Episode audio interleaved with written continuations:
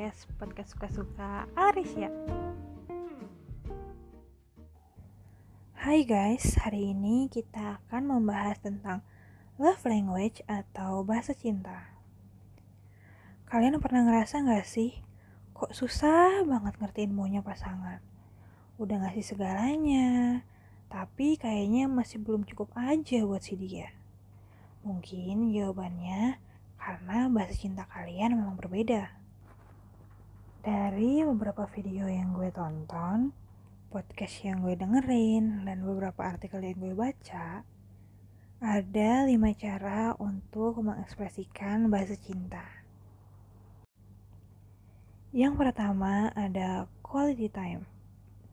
Sesibuk apa pun orang dengan bahasa cinta quality time, mereka akan menyisihkan waktunya untuk kalian. Karena bagi mereka, memberikan waktu adalah hal terbaik dalam mengekspresikan cinta. Misal, kalian adalah pasangan yang sama-sama sibuk bekerja. Orang dengan bahasa cinta quality time akan menjadwalkan atau menyempatkan diri hanya sekadar makan siang atau dinner bersama. Ya, meskipun itu seminggu sekali atau dua minggu sekali nggak apa-apa yang penting rutin terus kalau kalian adalah pasangan LDR yang beda negara, beda benua atau zona waktu, orang dengan bahasa cinta quality time akan menyempatkan 1 sampai 2 jam dalam hidupnya untuk telepon atau video call. Karena walaupun hanya bertatap di layar gadget semata itu adalah bentuk ekspresi cinta dari mereka. Sebaliknya nih, mereka juga akan benci dan sebel banget saat butuh curhat atau cuma ingin mendengarkan kesarian kalian, tapi kalian menghilang. Sok sibuk dan asik ngegame sendiri. Wah, fiksi itu mereka bakalan ngerasa sangat nggak diperhatiin. Lalu yang kedua adalah word of affirmation atau kata-kata afirmasi. Orang dengan bahasa cinta kata-kata afirmasi ini biasanya sangat menghargai verbal komplimen. Mereka akan merasa sangat disayangi dan dicintai lewat pujian-pujian. Seperti, kamu cantik banget deh hari ini. Atau, Hmm, wangi banget sih kamu. Nah, walaupun kelihatannya mudah, tapi kita harus berhati-hati juga dengan orang yang mempunyai bahasa cinta, kata-kata afirmasi. Karena mereka juga gampang baper dan insecure hanya dengan kritikan kecil ataupun saat kalian lupa bilang I love you sama mereka. Yang selanjutnya ada act of service. Orang-orang dengan bahasa cinta act of service adalah mereka yang lebih senang mengekspresikan atau mengartikan cinta dengan tindakan dan pelayanan. Contohnya, kayak bikinin bekal, antar jemput kalian, atau bantuin tugas dan kerjaan mereka. Nah, si tipe act of service ini biasanya potek kalau kalian ngelakuin tindakan yang bikin hidup dia terasa lebih berat. Misalnya nih, uh, kelakuan lo yang suka berantakin tempat terus pergi gitu aja tanpa mau bantu beresin. Atau kalian gak menempati janji saat bilang mau jemput mereka, tapi tiba-tiba ketiduran itu akan membuat mereka ngerasa nggak dihargai. Selanjutnya adalah gift atau hadiah. Hadiah untuk orang dengan bahasa cinta ini nggak harus lebay kok. Kayak tiba-tiba ngirimin tiket liburan bareng ke Turki selama satu bulan, atau mobil dan ponsel keluaran terbaru yang tiba-tiba ada waktu mereka membuka mata.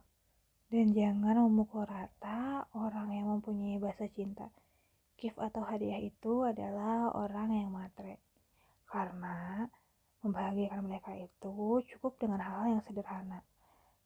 kayak gofoodin makan waktu dia mager atau beliin ke handphone yang samaan dengan mereka tapi ya mereka juga bakal ngambek sih ketika kalian jalan-jalan keluar kota tapi lupa ngabuin oleh-oleh untuk mereka. Sebenarnya walaupun gantungan kunci atau tempelan kulkas itu udah bisa bikin mereka merasa diingat dan diperhatikan loh. Jadi jangan sampai lupa ya. Dan yang terakhir adalah physical touch. Orang-orang dengan bahasa cinta physical touch adalah mereka yang mengekspresikan cinta melalui sentuhan, usapan, pelukan, ciuman, dan lain sebagainya. Yo, bukan berarti kudu mesum juga sih.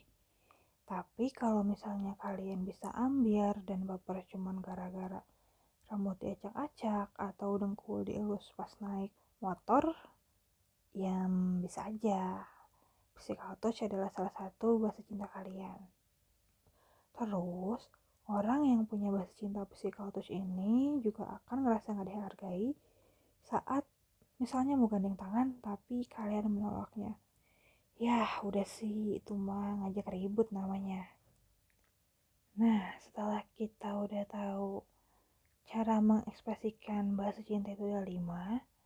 Mungkin gak sih bahasa cinta seseorang dalam mengekspresikan dan menerima itu berbeda? Hmm, mungkin-mungkin aja ya. Gue contohnya. Gue adalah seseorang yang mempunyai bahasa cinta gift untuk mengekspresikan kepada teman, pasangan, atau keluarga. But in the return, gue lebih suka bahasa cinta untuk gue adalah quality time ya gue seneng aja gitu ditemenin sama mereka nah terus kalau bahasa cinta kalian dengan pasangan beda masih mungkin gak sih untuk jalan bareng?